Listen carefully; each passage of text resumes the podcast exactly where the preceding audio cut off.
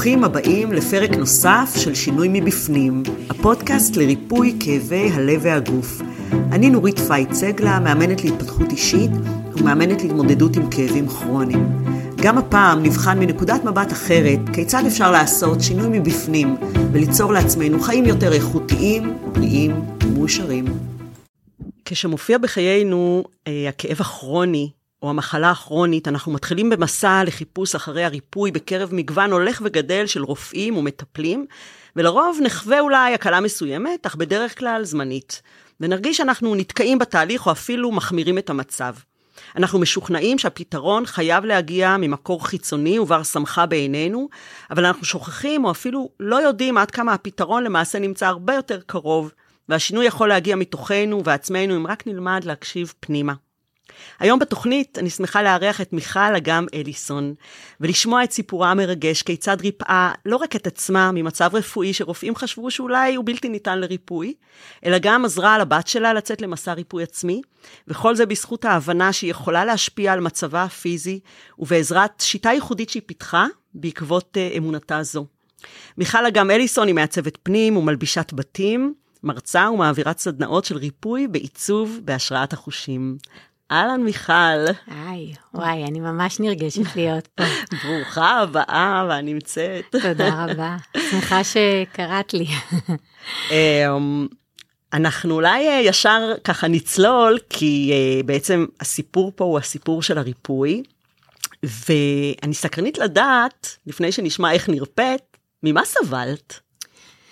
האמת שזה התחיל בגיל 36, אה, הייתי בהיריון עם הילד שלי, עם הבן הזקונים. אה, התחלתי להרגיש טינטונים באוזן, ובעצם לא הבנתי שיש לי נקב בעור התוף. באותה תקופה הזדהמה לי האוזן, כי לא טיפלתי בעצמי בזמן. הייתי בת 40 שהגעתי בעצם לניתוח חירום, ועשו לי ממש ניתוח, סגרו לי את עור התוף. ועכשיו לפני איזה חודשיים שלוש, אה, התחלתי את אותו מסע באוזן השנייה. ובעצם הבנתי שאם אני אטפל בעצמי ואני אעשה מדיטציות ואני אודה לגוף שלי על היכולת שלו לרפא את עצמו, יש סיכוי שהנקב ייסתם לבד. כשאת אומרת שעשו ניתוח, ומה בעצם התוצאה של אותו, אה, אותה אוזן עכשיו, אחרי הניתוח? את שומעת בה? אני מכשיר ש... שמיעה. את נאלצת להיות עם מכשיר כן, שמיעה. כן, גם כשנותחתי אמרו לי שהשמיעה לא תחזור. אה, כלומר, הנזק כבר קרה והיא לא תשתפר מבחינת שמיעה, ו... אבל היא סגורה, הנקב סגור. ובאוזן השנייה? האוזן השנייה הייתה תק... תק... אה, תקנית, תקינה לחלוטין אה, שמונה שנים, ופתאום היה לי ממש הערה כזו, וואי, אלוהים, זה הולך לקרות לי עוד פעם. אמרתי, לא, הפעם אני מצליחה לעשות את זה בעצמי. והמצב היום? היום הנקב סגור. מדהים. כן, ממש. ואיך ו... השמיעה? אה, יש לי ירידה בטונים מסוימים, אה, דיבור לא נפגע, כי אני שומעת דיבור בסדר למזלי באוזן ימין, אבל לא, צריך להיות כל הזמן על זה ולדעת כן. שאנחנו מסוגלים לרפא את עצמנו. כלומר, זה מדהים. עם דיבור עצמי ואמונה שזה אפשרי, זה אפשרי. זה ממש מדהים אה, שאור התוף, הנקב, נסגר באופן עצמוני. כן, לגמרי. בעזרתך. אני חושבת שזה באמת הייתה המחשבה ש, שאני לא הולכת לעשות את זה שוב, ויש לו ליכולת לתאים להיסגר בעצם. מה היה שם שגרם לך לעשות את ההחלטה הזאת? כי בכל זאת זה, זה לקחת איזשהו סיכון. כי אולי את בינתיים מתמהמהת בניסיונות אה, אלטרנטיביים, ואז את עלולה לפספס את הרכבת, ובסוף כן תגיע עדיין לניתוח. למזלי, מה גרם לך לעשות? למזלי הרופא גם אמר, מיכל, יש סיכוי שהגוף יסגור את עצמו, את הנקב, ובגלל החיוביות שלי, אמרתי, אם זה אפשרי, אז אני זאת שמסוגלת לעשות את זה לעצמי. וממש, זה, זה הייתה מין הבנה כזאת, בבגרות מסוימת, שהפעם אני לא נכנסת לאותו סרט. ואת בעצם יצרת לעצמך איזושהי תוכנית עבודה, או איך ידעת מה לעשות? מאיפה בא לך המחשבות? אני חייבת לציין שבשנים האחרונות אני, לא שנים, אבל שנה, שנתיים האחרונות אני, יש אה, פודקאסט אה, עם חן אה, רפסון הראל, אם אני אומרת נכון את השם שלה. ואני מתרגלת מדיטציות כל יום, אפילו פעמיים ביום, והיא אומרת שם תודה על הגוף הבריא שלי, ותודה על התאים שיודעים לי לחדש את עצמם כל יום מחדש. ובאמת הייתי באמונה שהתאים שלנו יודעים לרפא את עצמם. גם לפני זה את uh, נגעת בכל מיני מקומות כאלה? עסקת בכיוונים האלה באופן אישי, עשית מדיטציות יום-יום, או שזה... וואי, את שואלת משהו נורא מעניין, כי אני מודדת מגיל 12. מה את אומרת? שזה מאוד חריג. מאוד אני חריג. במקרה פגשתי מישהי שלימדה אותי מדיטציה טרנסצנדנטלית, אה, שהיא באה ממקום שנקרא הררית, שהוא לא רחוק כן. מאיתנו, איזה 40 דקות מאיפה שאני גרה היום, בשרית. ובגיל 12 התחלתי מדיטציות.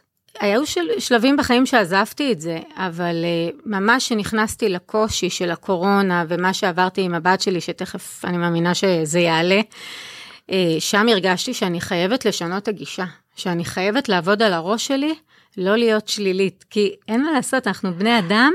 אם את אדם שעושה מדיטציה, והיום בת כמה את, אם מותר לשאול? 48. 48, ואת עושה מדיטציה מגיל 12, מדוע היית צריכה להזכיר לעצמך שאת uh, צריכה לחשוב חיובי? הרי זה לא משהו שמי שעושה מדיטציה באופן יחסית uh, מתמשך וקבוע, זה לא ההוויה שלו? אני, אני חושב... שואלת את זה למען המאזינים, כי הרבה תוהים על הדבר הזה. אני חושבת שיש בעולם, ובמדינת ישראל בכלל, כל כך הרבה אה, בעיות ופחדים וחששות אה, קיומיות, ממש, שגורמות לנו אה, כל הזמן לחשוב, המחשבה הטבעית של הבן אדם היא שלילית, בעיניי.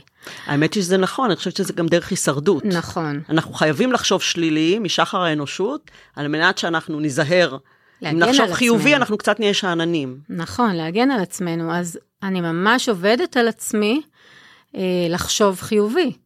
וזה נכון שאני מודדת מגיל 12, אבל היו לי הפסקות בחיים, ו... והקשיים של החיים לפעמים גורמים לנו לשכוח אה, את החיובי. לפעמים סקרנ... החיים כן. קשים. אני סקרנית קצת לגבי, אם מותר, לגבי הגיל 12 הזה, זה כל כך חריג, ש... נכון. שאני סקרנית לדעת איך נתפסת לזה? אז את זוכרת מי היית בגיל הזה שגרם לך אה, אני... להתייחס על זה? את תצחקי עליי, אבל אני חושבת שאני זקנה מאז שנולדתי. נשמה זקנה? ממש, ממש. אני לא יודעת מאיפה, אני תמיד צוחקת שאולי מהשואה אני זקנה.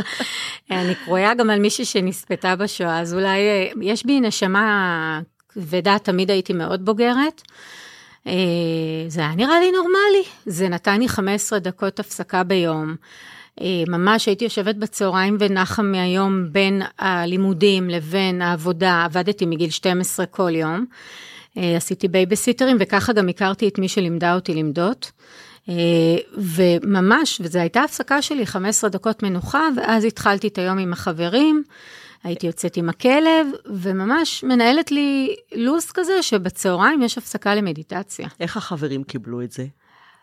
א', תמיד הייתי מיוחדת, כאילו, תמיד היו לי מחשבות קצת מיוחדות, וההורים שלי היו גרושים מגיל צעיר, ולא גרתי באבא, אימא ומין ילדות נורמטיבית כזאת לדור הזה. אמ, אז לא יודעת, תמיד נראה לי הייתי קצת מוזרה, הייתי עם הפרעות קשב, שלא אובחנו אז בילדות, הייתי דיסלקטית עד היום. אז זה לא דברים שהסתכלו עליי, וואי, המוזרה הזו מודדת. הייתי... המדיטציה עזרה לך עם הקשב?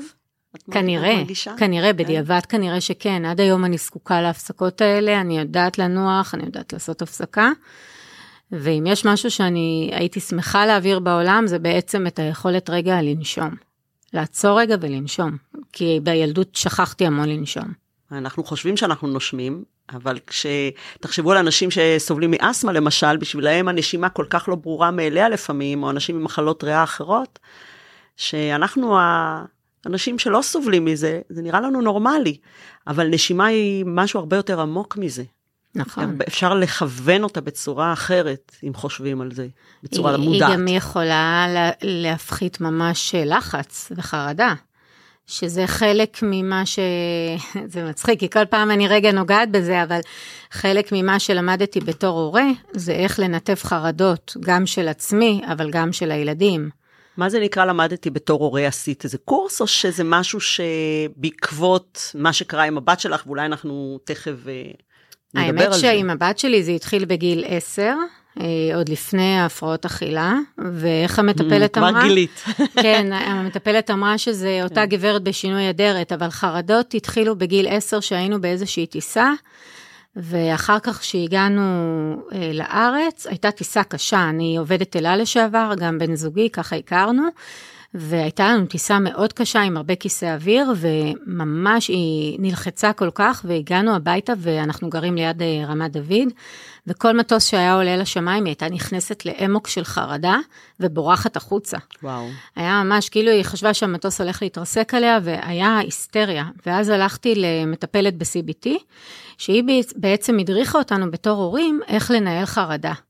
וחלק מניהול חרדה זה בעצם להודות שקיימת החרדה, שואלים אותך באיזה רמת חרדה אתה, אתה שואל מ-1 עד 10, ואז היא אומרת 100, אז אתה אומר לא, אין 100, יש מ-1 עד 10. ואז בעצם מלמדים אותה לנשום, לספור דברים מסביב, כלומר, כבר אז התחלתי להבין שאנחנו יכולים בעצם לנהל את המחשבה ולהרגיע רגע את החרדה. אז אה, זה, זה חלק מההתחלה של זה. אחר כך זה התפתח לגברת אחרת, שהיא קצת הייתה יותר מורכבת בקורונה, שהתמודדנו עם קשיים יותר גדולים. כן, מקודם ככה פלטת את זה כן. בעצם.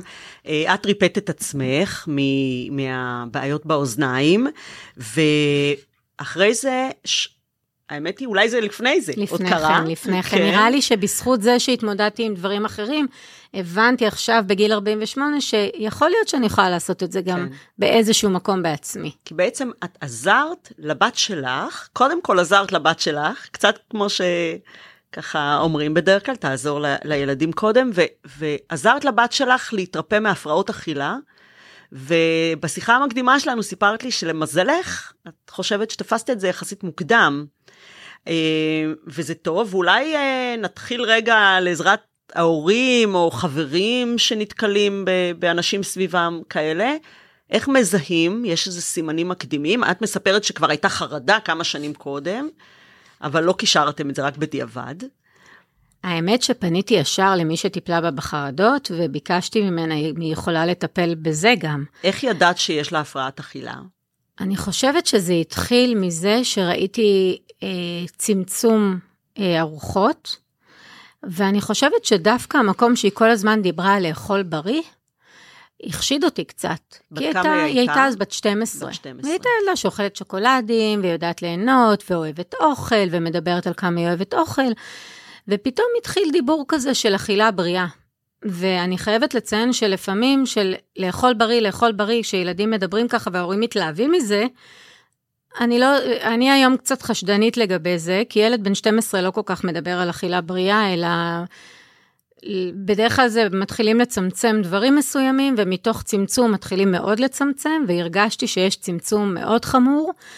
האמת שהכי הרגשתי את הצמצום כשחזרתי מהשבעה, אבא שלי נפטר, והרגשתי שהילדה לא אוכלת.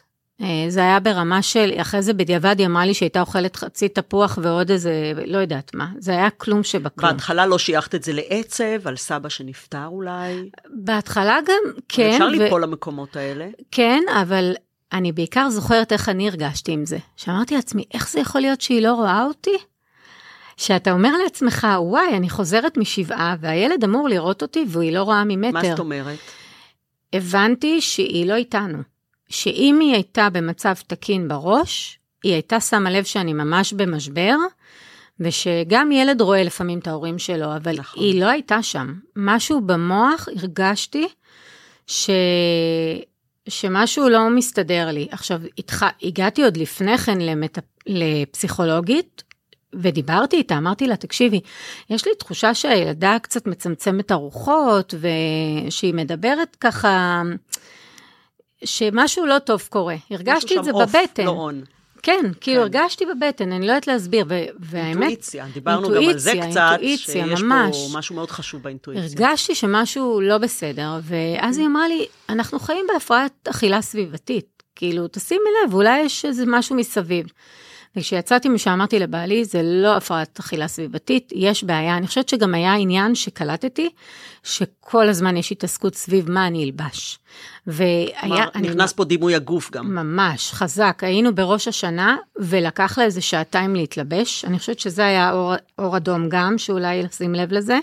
שעתיים עד שהתלבשה, והיא החליפה בגדים, והיא החליפה, והיא החליפה, כאילו היה משהו מאוד לא נוח בזה, ויצר סטרס בכל הבית. משהו לא מאוזן.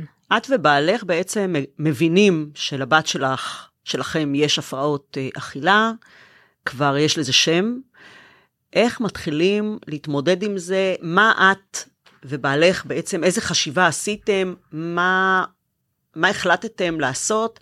את חושבת שעשיתם איזה שהן טעויות לפני שבחרתם בדרך בסופו של דבר שבחרתם בה?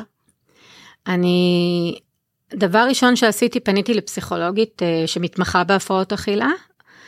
Uh, לקח המון זמן להשיג uh, צוות שאתה מרוצה ממנו. מה זאת חושב... אומרת צוות במצבים כאלה? וואי, בגלל שהייתה קורונה, אז בעצם הבנתי שאם אנחנו עכשיו מאשפזים, אז א', סבירות לא גבוהה שיקבלו אותה לאשפוז, כי כאילו לפי הנתונים, זה, היא לא הייתה, אה, היא הייתה בתת תזונה, פחות עוד בתת משקל. אני חושבת שצריך לעשות פה הבחנה מאוד גדולה בין תת תזונה לתת משקל. כי כשבן אדם מוריד אה, כמויות, הוא נהיה בתת אה, תזונה מוחית. כלומר, המוח מתחיל לחשוב מחשבות מעוותות. ואני לא ידעתי את זה, ואני לא יודעת אם אנשים מודעים לזה, שאפשר גם להיות לא מאוד מאוד מאוד רזים, ועדיין להיות עם הפרעות אכילה. כמו סוג של הזיות או... כן, או, כן. ממש. ו... ואז בעצם פניתי, ובגלל שהיא התנגדה, הפסיכולוגית, כאילו נתתי לה, זה בסדר, ואז היא אמרה לי, תלכי לתזונאית שמתמחה בהפרעות אכילה, והיא איבדה לי עוד חמישה קילו בזמן הזה. ו... את חושבת שהיה צריך לאשפז אותה לא, או לא? אני חושבת שהייתי צריכה להחליף בעלת מקצוע באותו רגע ולהבין שאני לא במקום הנכון. ולקח לי המון זמן למצוא את המטפלת הנכונה, ואחר כך את הפסיכולוגית, את, את המטפלת המשפחתית שאיגדה אותנו, וגם את הפסיכיאטרית עוד החלפתי. היה המון, זה לא פשוט. כן, ו... את יודעת, זה, זה שאני חושבת על אנשים שמגיעים אליי, להתמודדות למשל עם כאבים כרוניים, אז מעגלי התמיכה נורא חשובים, וזה לא רק מעגלי תמיכה משפחתיים או הקרובים אלינו, אלא באמת מעגלי התמיכה המקצועיים, כי uh, יש מצבים שצריך גם מעקב רפואי, שזה לגיטימי לגמרי, וגם באמת את המעקב הרגשי והפסיכולוגי, זה, זה מין צריך 360 מעלות של טיפול. ואצלך אתם הייתם בעצם, עשיתם את הדבר הנכון שבניתם צוות. כן, אני חושבת שאחת הבעיות היא דווקא הסביבה. מה זאת אומרת? שאם מישהו שומע אותנו, ההערות של הסביבה, כמו להגיד לך, אה, היא לא נראית אנורקסית, שזה אחד הדברים הכי מעליבים למישהו שהוא נמצא בהפרעות אכילה, וגם להורה שהוא מרגיש שהוא לא, מדמיין אולי, אז זה לא במקום. אם אני יכולה להג... להעיר, כן. זה אחת הבעיות שהרגשתי, ש... שנותנים לך לחשוב שאולי אתה הוזה, שאתה ממציא, שאתה וואי, מגזים. תדעי לך, זה, יש כל כך הרבה כאבים אה, שקופים. את יודעת, אנשים אה, לא מגיעים לעבודה כי הם לא מצליחים לקום מהמיטה, או שדופק להם הראש ממיגרנה, והם פשוט לא מסוגלים, ואומרים להם, אה, מה הבעיה לה, אתם נראים מצוין, תיקחו כדור ותבואו.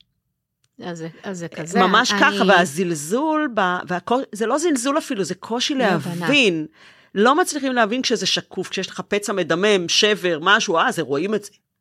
זה היה, אני, אני חושבת שאני הסתובבתי שנתיים אה, עם תחושה מאוד קשה, שבאמת הסביבה לא באמת מבינה.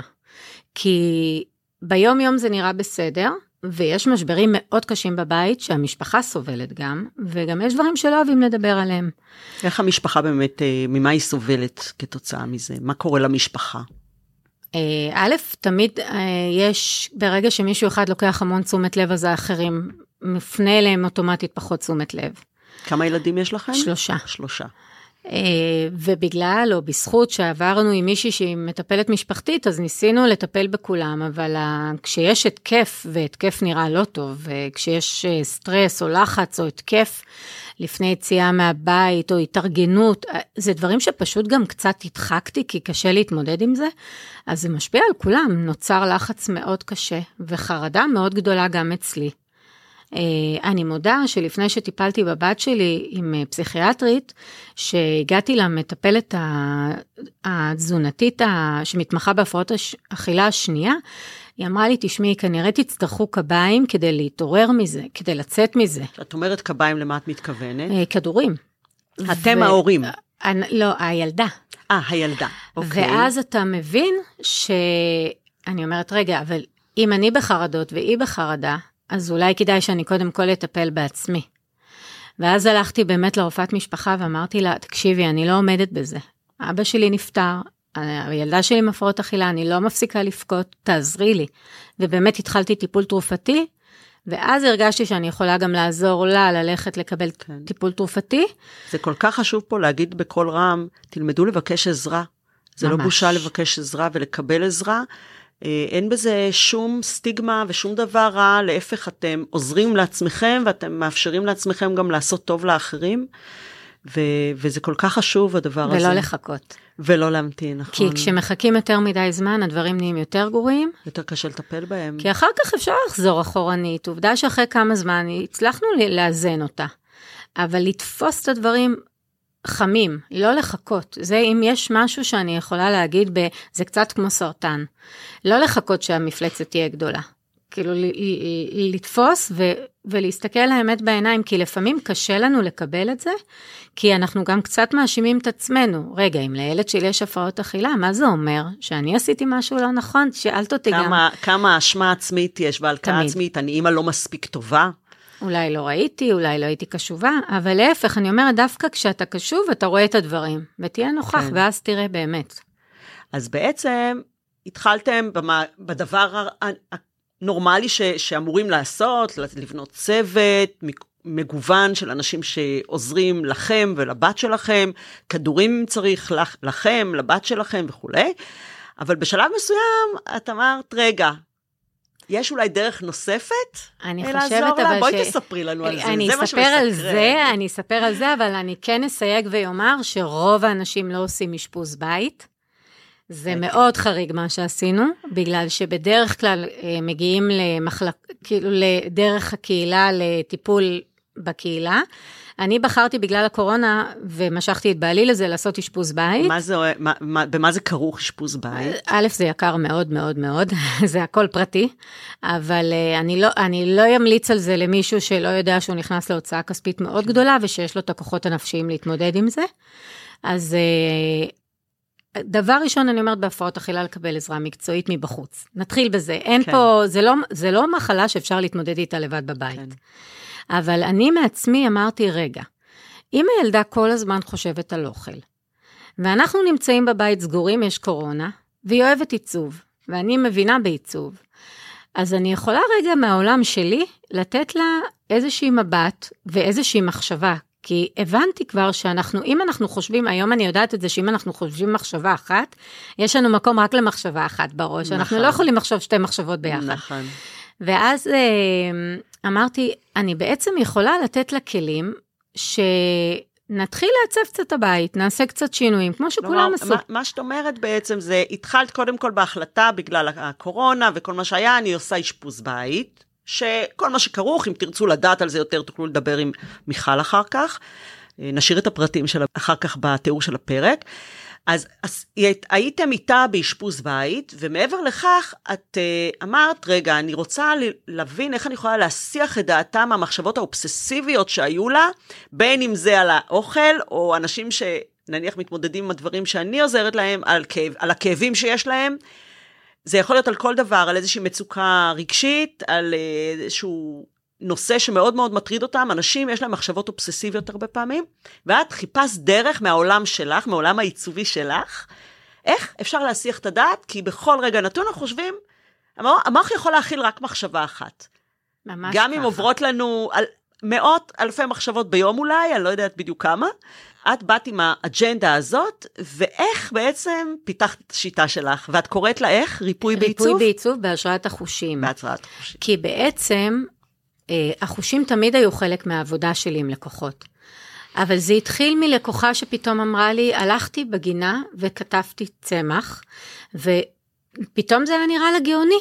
זה לא משהו שהיא חשבה עליו לפני. עכשיו, אנחנו הרבה פעמים יש דברים ממש פשוטים, כמו להדליק נר, או רגע לקטוף פרח, ושנייה לרסס משהו ולייצר משהו חדש ממנו על ידי יצירה, או לצבוע חפץ, שזה דברים קטנים שנראים לנו מאוד שוליים, אבל ברגע שאנחנו מנתבים את המחשבה או את העשייה שלנו, אנחנו בעצם יכולים גם לגרום לעצמנו לסיפוק בזה שעשינו משהו חדש ויצרנו יש מאין.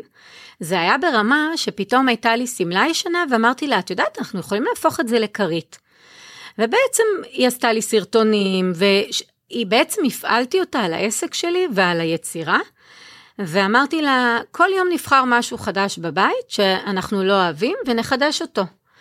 ופעם זה היה לצבוע את השולחן, ופעם היה לרסס איזה רהיט ישן, ופעם זה היה להזמין באינטרנט איזשהו נר. אה, חווית איזושהי התנגדות ממנה בהתחלה? לא, אבל באמת אני חושבת שאחד הדברים זה לדעת מה הילד אוהב, זה לא משנה, או מה אתה אוהב כבן אדם. ולהתביית עליו. פעם אמרתי לחברה שלי, שגם הבת שלה סבלה מהפרעות אכילה, אמרתי לה, אולי היא אוהבת להשריש צמחים. זה לא חייב להיות עיצוב, זה יכול להיות הובי אחר, אבל בעצם לנ... אה, במקרה שלי, החוזקה שלי זה עיצוב. אז אני לוקחת את כל המחשבה אה, לעיצוב. גם הבנתי שיש לנו הורמונים שמנהלים לנו את המחשב, ש, שברגע שאנחנו עושים פעולה נגיד שאנחנו מתחילים אותה ומסיימים אותה, היא מעלה לנו דופמין. כן. אז בקורונה המון דיברו על זה. הורמוני התגמול קצת. בדיוק, כן. אז אמרתי, טוב, נסדר את החדר, אז יהיה לנו את ההורמון הזה, ובעצם משכתי אותה לזה. מעבר לזה גם הוצאתי אותה קצת להליכות, וגם לפתח את המחשבה. את, את מחברת את זה לחושים. נכון. בואי תספרי לי קצת על זה. אני חושבת שבעצם, אה, ברגע שעברתי את הניתוח באוזן ואיבדתי את חוש השמיעה, הבנתי.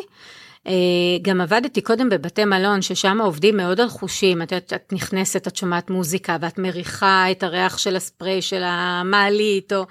נכון, את יודעת, יש, אה, יש ריחות לרשתות של בתי מלון, בדיוק. יש להם ריחות מסוימים. אז או... אני, עוד, עוד, כן. אני עוד, עוד לפני התחלתי, שעוד לא היה להם את הריחות, אבל באמת הבנתי שיש עניין חושי מאוד גדול בבתי מלון, ואז אמרתי, אני גם מכניסה את זה לבית שלי ולעיצוב של הבתים.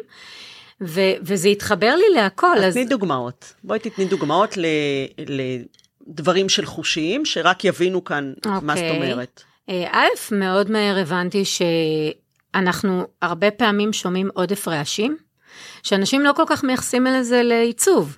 אבל כשאת נכנסת לבית והבית מאוד רועש, אה, או שאין מספיק טקסטיל, שטיחים, כריות. רועש מאיזו בחינה? של רעש באוזניים או רעש בעיניים? אנשים מקשיבים, גם וגם, אבל אנשים מקשיבים גם לרדיו וגם שומעים טלוויזיה, וגם עוד מישהו שומע מוזיקה ומישהו צועק.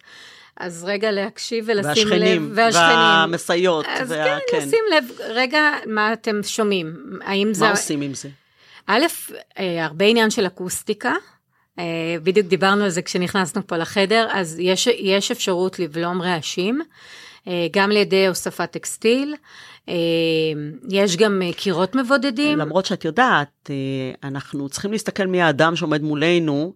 יכול להיות שדרך הריפוי שלו היא לאו דווקא שקט והדממה, נכון. אלא דווקא הוא צריך את האנרגיה הרועשת הזאת מסביב.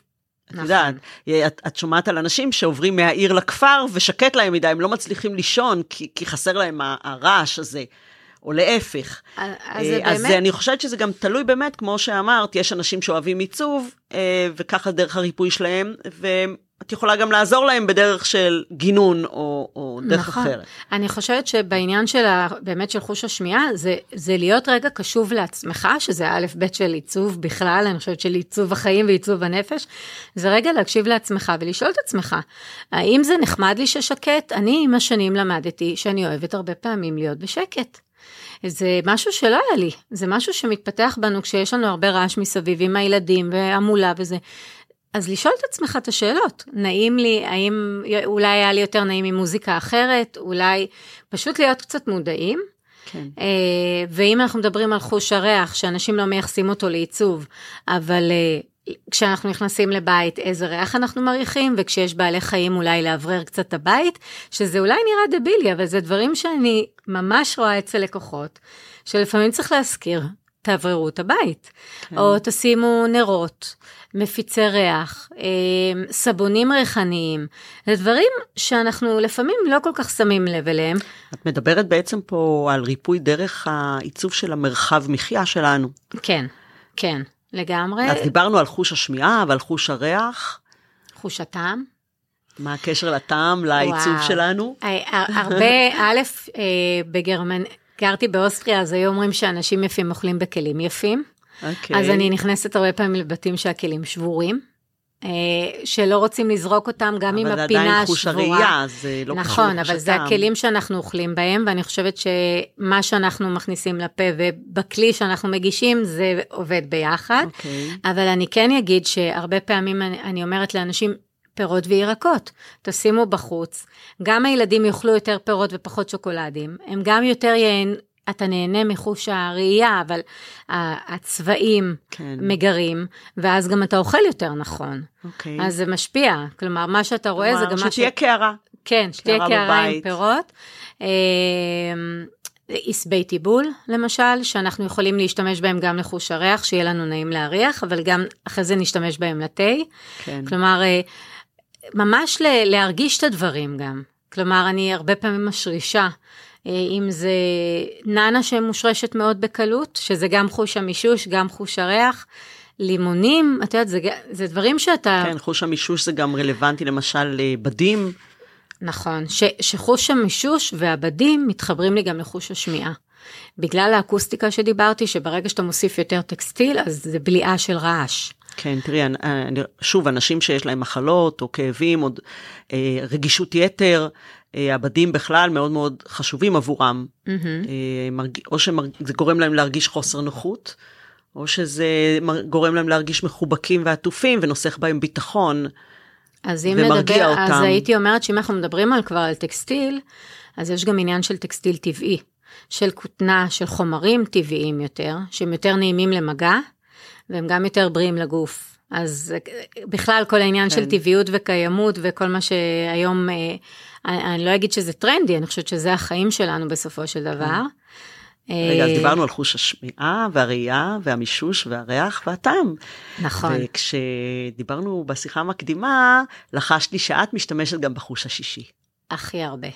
היום אני מבינה יותר ויותר, פעם גם התביישתי אולי להגיד, שלא יסתכלו עליי קצת כמו הזויה, מה זה החוש השישי. מה זה? אבל האינטואיציה. האינטואיציה. אני חושבת שכרגע, באמת בשנה האחרונה, אני חושבת שזה כבר שנה וחצי, עברתי שני ניתוחים בידיים, בקורונה התחילו לי נימולים בידיים.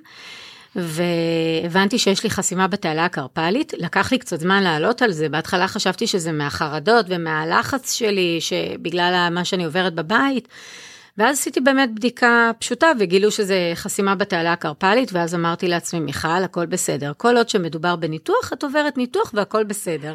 אני, אז אני, סליחה שאני קצת ככה בוטה, אבל זה מפתיע, כי זאת אישה שאמרה, אני יכולה לרפא את הנקב שלי באוזן. נכון, ניסיתי, מד... עם הידיים. ניסית להגיד לה, כאילו ניסית לרפא את הידיים? כן, המון, המון, אה, בערך שנה משכתי את הניתוח. איך, ו... איך ניסית לרפא את עצמך? מסאז'ים, טיפולים. לא דרך המחשבות כמו שעשית והמדיטציה כמו שעשית עם האוזן? אני חושבת שהמדיטציה והאוזן זה אחרי הידיים. שהבנתי, שאמרתי, איך זה יכול להיות שמישהי שהיא כל כך חושית, כל הזמן החושים הפיזיים שלה נדפקים באיזושהי צורה, באמת, האוזן, הידיים, ואז אמרתי לעצמי, הדבר היחיד שלא נפגע, אלא להפך, רק משתבח עם השנים, זה האינטואיציה. החוש השישי. החוש השישי. כלומר, אם היום, אה, אם היום זה היה קורה, אחרי שהתנסית בריפוי עצמי, היום הייתה נסתמת לך התעלה, האם היית מנסה?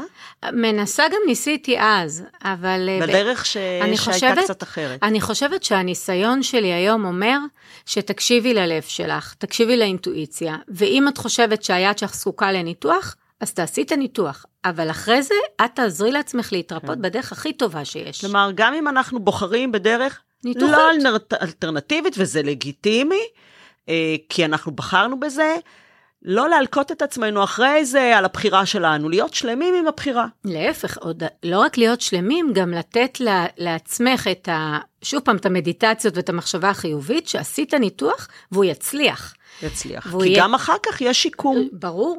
וצריך לתת לעצמנו את, ה, את המרחב הפנימי ואת הקשב הפנימי לשיקום, והש, ושם יכול להיכנס כל ה, ה, האלטרנטיבה. האלטרנטיבות האלה של החשיבה וה, ה- זה נכנס. וההשפעה של המוח שלנו בעצם, המנטלי על זה. ממש. והעיבוד הרגשי, שאנחנו עובדים גם על הרגשות שלנו, והורדת הסטרס, ו- והלחץ מסביב לזה, והפחדים, וכל ממש. מה ש...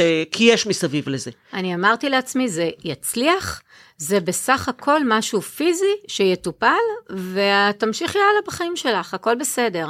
שזה גם חשוב, אה, גם כשאתה עובר ניתוח, גם עם האוזן, להאמין שהגוף יכול להבריא את עצמו, כי לוקח שיקום אה, של אה, חתכים בערך שנתיים, ברפואה הסינית ממש מאמינים שהבפנים של הניתוח לוקח לו שנתיים שיקום. כלומר, גם אם עשית ניתוח פיזי, זה לא אומר שהבפנוך הוא... כלומר, אתה צריך הוא לעשות עבר עבודה. שוק. הוא עבר שוק. עדיין, כן. דרך אגב, אני מרגישה את השוק, עם כל זה שהתזונה שלי מותאמת לניתוחים.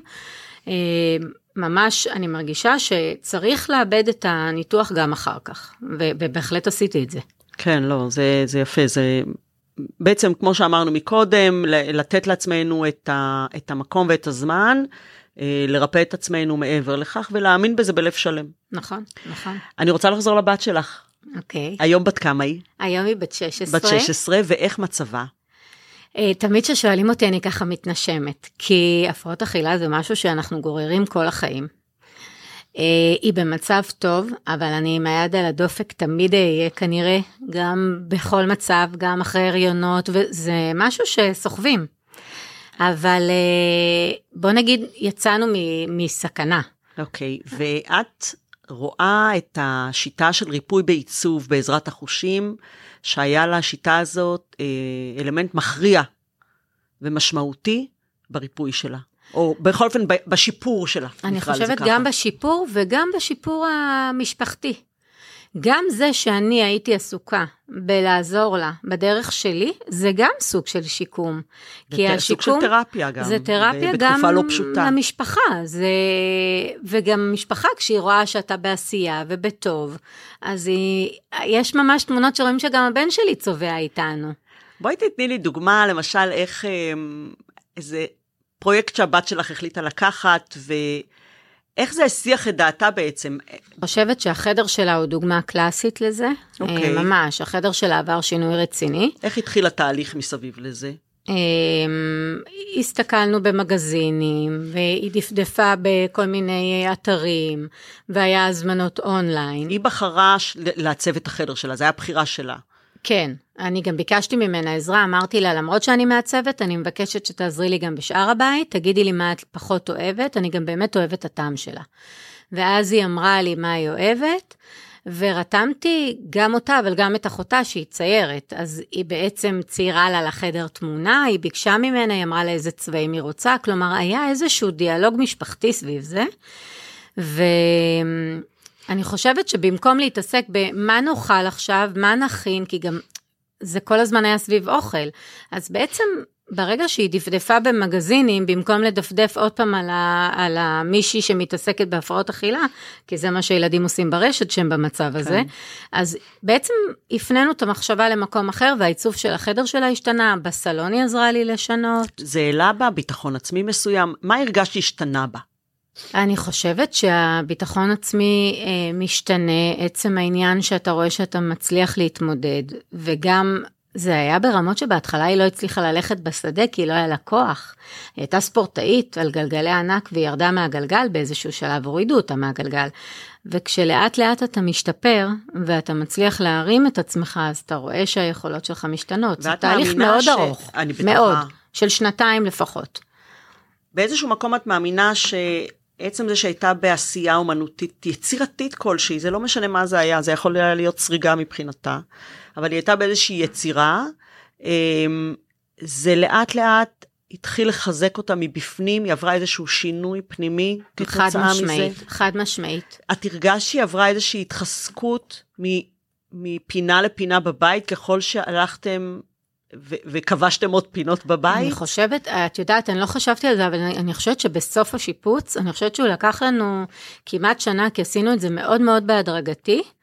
אה, זה לא היה זבנג וגמרנו, זה ממש, כי הקורונה הייתה איזה שנה ככה שהיינו בבתים סגורים, נכון? גם הייתה פה מטרה, לשתף את למשוך הבת. זמן גם. בדיוק, למשוך זמן איתה. כן, כן. אה, ו... לא הייתה פה מהירות נדרשת. נכון, להפך, להפך, אני להפך. הרגשתי שאנחנו צריכים להעסיק את עצמנו, גם היינו באמת בעידן כזה של קורונה.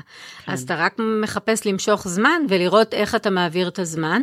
אני חושבת שבסוף הייתה ממש מין רווחת נשימה, אני לא כל כך זוכרת את הזמנים, אבל בסוף שסיימנו לשפץ, אז גם חזרנו לשגרה, וככה לאט לאט היא חזרה ללימודים, שזה גם לקח המון זמן עד שהיא חזרה ללימודים.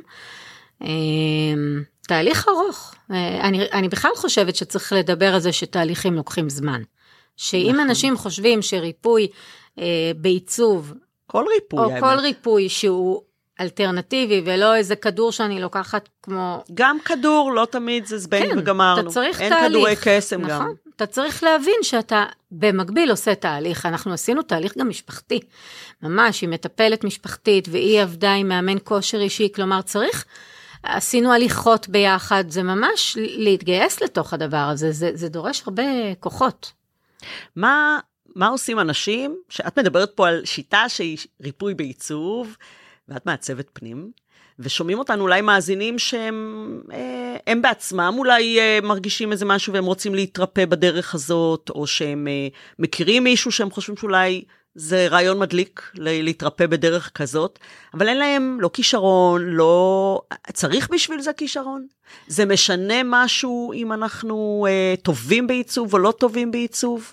אני לא חושבת שצריכים להיות טובים בעיצוב, צריך שתהיה לך איזשהו, איזושהי זיקה אולי, וא', אפשר לקבל, לעקוב אחריי, סתם לדוגמה באינסטגרם, ולקבל השראות. לפעמים זו מחשבה קטנה, שפתאום אתה אומר, וואי, לא חשבתי על זה. הרבה פעמים לקוחות אומרים לי, וואי, לא חשבתי על זה, ואני כבר צוחקת, כי אני יודעת שלי זה נראה נורא טבעי, כי זה בא מתוכי, אבל כשאתה לא... בטבעי שלך לא ככה, אבל אם אתה מסוקרן, אז תעקוב אחרי אנשים ברשת ותקבל השראה. זה בסדר לקבל השראה. אבל את יודעת, זה מזכיר לי שהייתה לי, יש את החברה הזו שאני מזכירה, שהיא פתאום אמרה לי, את יודעת, מיכל, אצלי הבת שלי לא אוהבת עיצוב, אבל הכלבה הצילה אותה. מה זאת אומרת? שהיא התעסקה עם ללטף את הכלבה. היא ממש הייתה כמו חברה שעזרה לה בעת משבר. וזה דרך אגב, אני תמיד אומרת שהכלבים זה חוש המישוש, אבל הקטע הזה של להעלות דופמין, גם מליטוף כלב, או, אז זה לא משימה שסיימת, אבל אחד זה יבוא לו באמת בהשרשת צמחים, ואחד זה יבוא לו בלסדר את החדר, ואחד זה ללטף את הכלב. ואם אתה אוהב עיצוב, אז פשוט לעקוב אחרי אנשים שמהווים לך השראה. אה, אני חושבת שאחת הסיבות שאני מעלה המון תכנים ברשת על השראות בעיצוב, זה באמת להביא לאנשים את הנגישות לעיצוב חושי, גם על ידי הסדנאות, ובאמת ההבנה ש... שזה נורא פשוט. לא רק פשוט, אני, אני שוב רוצה לחזור. ולהדגיש איזה השפעה עמוקה יש לכל האלמנטים האלה במרחב שאנחנו חיים בו, ואנחנו לא מודעים לזה. זה ממש השפעת, השפעה מרפאה. אמ, בזמנו אני שמעתי איזושהי הרצאה על אה, מה נכון ומה לא נכון בעיצוב של חדר טיפולים, קליניקה לאנשים עם כאבים, וההמלצה היא למשל לא לשים צבעים אה, כמו אדום, כי אדום ישר יש לו הקשר לכאבים. אוקיי? אני תוהה למשל, אולי את יודעת להגיד כמעצבת, מדוע בתי החולים, יש בהם את הירוק הזה, המכוער, או. התכלת המכוער הזה. את רוצה שאני אגיד? בטח. אז יש אה, לזה הרי השפעה וואי, על יש לזה על ממש ה- השפעה, אבל... על הבריאות. הסיבה שעושים את זה, אני שמעתי דווקא בחדרי ניתוח, שבגלל שהם רואים דם הרופאים, אז הצבע המשלים של אדום הוא ירוק. אוקיי. ואז כשאת רואה אדום וירוק ביחד, זה מייצר אפור, שזה הניטרלי. צבעים משלימים בעצם יוצרים את הצבע הניטרלי, ואז כשאת רואה אדום ואז רואה ירוק, זה משקיט את, המ- את המוח ומאזן אותו. כלומר, זה יוצר איזושהי רגיעה. כן, רופ... איזון. זה בעיקר עבור הרופאים, את אומרת? כן, זה אומרים שזה הרגיע הצוות? מחדרי הניתוח, וירוק הוא, הוא, הוא צבע מרגיע של צמיחה, והפוך מהאדום שהוא ממריץ. כן. זה הסיבה שאומרים לא לשים אדום, כי הוא מעורר... אה, כן, הוא יכול לס- הוא- לגרום לסערה בדם, כן, כמו שאומרים, בדיוק, ב- ב- בדיוק. בעורקים, ואנחנו רוצים, אה, רוצים דווקא להרגיע. כן. אז את אומרת שפה הצוותים הרפואיים צריכים כן, את, ה- את הירוק. את האלמנט העיצובי פה כדי להצליח להיות רגועים ולהתמודד עם כל האתגרים שיש להם, שזה מעניין, לא ידעתי. כן, הנה. כן. זה, יש, עוד, יש צבעים משלימים נוספים, אבל כן. בבתי חולים ספציפית זה הדוגמה. אז הנה, אנשים שפה סובלים מאיזשהו אה, איזושהי מחלה כרונית, או כאב כרוני, או איזושהי בעיה מתמשכת אחרת, כמו למשל בעיות אה, נפשיות כאלה ואחרות, הרבה פעמים באמת צבעים יכולים להיות חלק מהריפוי, נכון. וזה משהו שצריך בקשב הפנימי לחקור עם עצמנו. מה נכון לנו, מה עושה לנו טוב. ובאמת אני חושבת שמה שאת אה, אמרת בהתחלה עם הקשב, להקשיב לעצמנו, לפתח את האינטואיציה הזאת שלנו, אה, זה אפילו אה, מין סוג של שאלון שאנחנו צריכים לשאול את עצמנו. אני חושבת כשאנחנו ש... מתחילים איזשהו, אנחנו עושים איזושהי החלטה לעשות ריפוי בדרך הזאת. אני חושבת שגם זה דורש איזושהי בגרות. אה, אני חושבת שהאינטואיציה התפתחה לי עם השנים, כי את מכירה את זה כשאת הולכת לרופא, כשהילד שלך הראשון חולה, וכל מה שהרופא אומר נראה לך נכון, ובילד השני את מבינה שלא כל מה שהוא אמר הוא באמת יודע, הוא יגיד לך כנראה שזה וירוס, אז בפעם השנייה שאת באה ויש לילד דלקת ריאות, את אומרת לו יש לו דלקת ריאות, ואת יותר בטוחה באמת שלך, ומיום ליום שאת גדלה, את מבינה שהאינטואיציה היא מאוד חזקה וכדאי שתקשיבי כן. לעצמך. או שללכת ולהיעזר במישהו שיכול לשאול אותך את השאלות הנכונות, וככה נכון. בעצם לפתח נכון. את הקשב נכון. הפנימי. נכון. שזה דרך אגב מה שעושים הרבה פעמים בתהליכי אימון וטיפול, שאני כמאמנת, אני שואלת את השאלות וגורמת רגע לעצור ולחשוב על דברים שאנחנו לא חושבים בדרך כלל. נכון. רובנו לא יודעים בכלל מה אנחנו אוהבים לעשות, ואז אם אנחנו פתאום אומרים, רגע, הדרך של מיכל נשמעת נורא מעניינת לריפוי שלי. זה יכול להרגיע אותי, זה יכול ככה להסיח את דעתי מכל המחשבה הטורדנית מסביב למה שקורה לי. וגם תהיה אני... תוצאה מיטיבה לחלל. כן, אבל לפעמים אני אומרת, אני לא יודעת על בעצם מה אני אוהבת. נכון. איך אני אדע במה לבחור? Mm-hmm. מעניין. אני חושבת שצריך קצת להיזכר בילד שבנו. כשהיינו ילדים. מה אהבנו? הרבה פעמים מה שאהבנו בילדות זה מה שנאהב גם כשאנחנו מבוגרים, אבל מה שאני עושה בסדנאות זה בעצם על ידי לוחות השראה, מחברת את האדם לתת מודע שלו ולהבנה מה הוא אוהב, איזה צבעים הוא אוהב, מה יגרום לו לרגיעה, איזה חומרים הוא ירצה להשתמש, על ידי לוחות השראה. כי בלוחות השראה לא צריך להיות אומנים, אתה גוזר, מדביק, ואני יודעת כן. לתרגם את זה כבר לאיך זה ישרת אותם בבית. זה, זה נפלא, זה תהליך פשוט. מעורר השראה בלי להתאמץ, כאילו נכון. זה בא כן, אינטואיטיבית. כן, עברתי תהליך כזה וזה באמת תהליך אה, מומלץ, כן. זה, זה כיף לא נורמלי גם, אה, למרות שזה גם פותח לפעמים אה, רגשות... אה, לא נעימות. בכי, עניינים, פתאום אתה, אתה לא רואה דברים שאתה לא מבין איך זה הגיע לשם. אמ, שאלה נוספת שמסקרנת אותי, זה נורא נחמד שאנחנו כאנשים אה, שסובלים, אה, מתלהבים מהשיטה או מהרעיון, ואנחנו אה, נורא רוצים לעשות את זה, אבל הסבל שלנו מעייף אותנו, ואנחנו לא יודעים איך להוציא מאיתנו את האנרגיה להתחיל את זה. אני מנסה לחשוב על הבת שלך. איך היא הצליחה לצאת מהחולשה הזאת שלה ולעשות את הדברים? מה את, מה את מה את מציעה לאנשים במצב כזה? אני חושבת שלצערי, פה המקרה שהגעתי אליו הוא כבר היה מקרה שכן כבר היינו צריכים את הקביים התרופתי. אוקיי. Okay. לא לפחד מזה גם.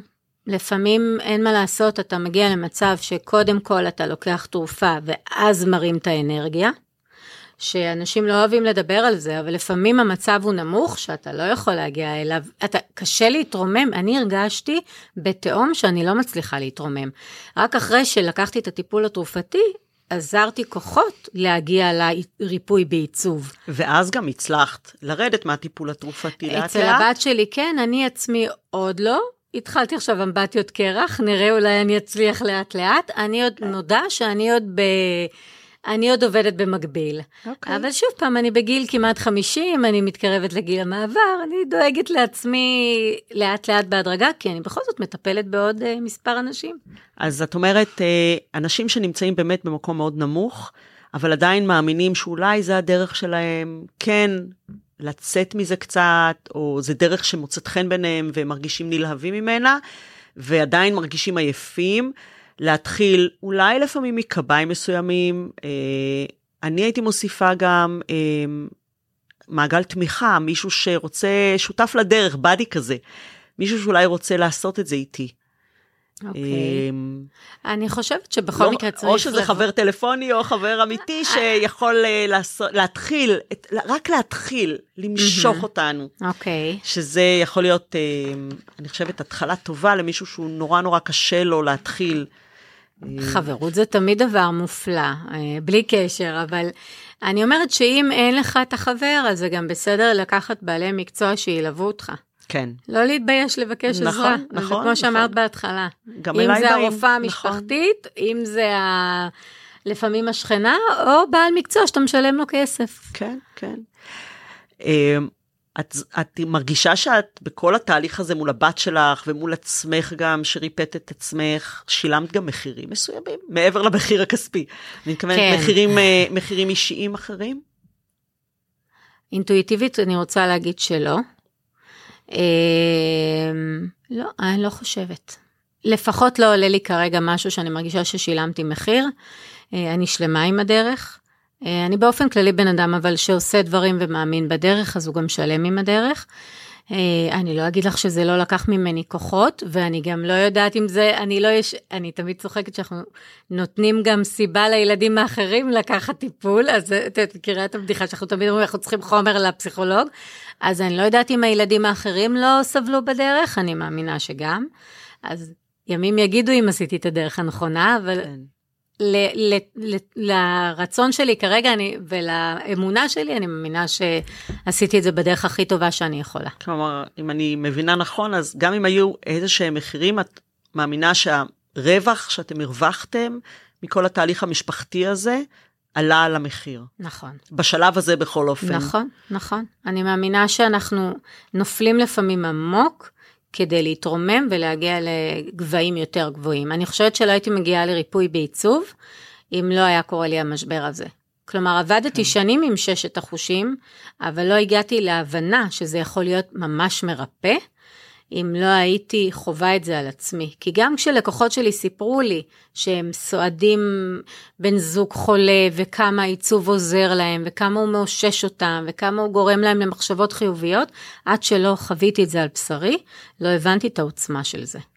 כלומר, את, אה, יש לך ממש סיפורי הצלחה של אנשים שעשו איתך עיצוב, ריפוי בעיצוב, עבור משפחה, בן משפחה חולה, והם ראו איך זה ממש עושה את האפקט הזה. הם אמרו לי את זה עוד לפני שאני הבחנתי בזה. רק בדיעבד אתה מבין שזה היה שם תמיד. שהטיפול והריפוי בעבודה, בשיטת העבודה שלי עם החושים, הייתה שם תמיד.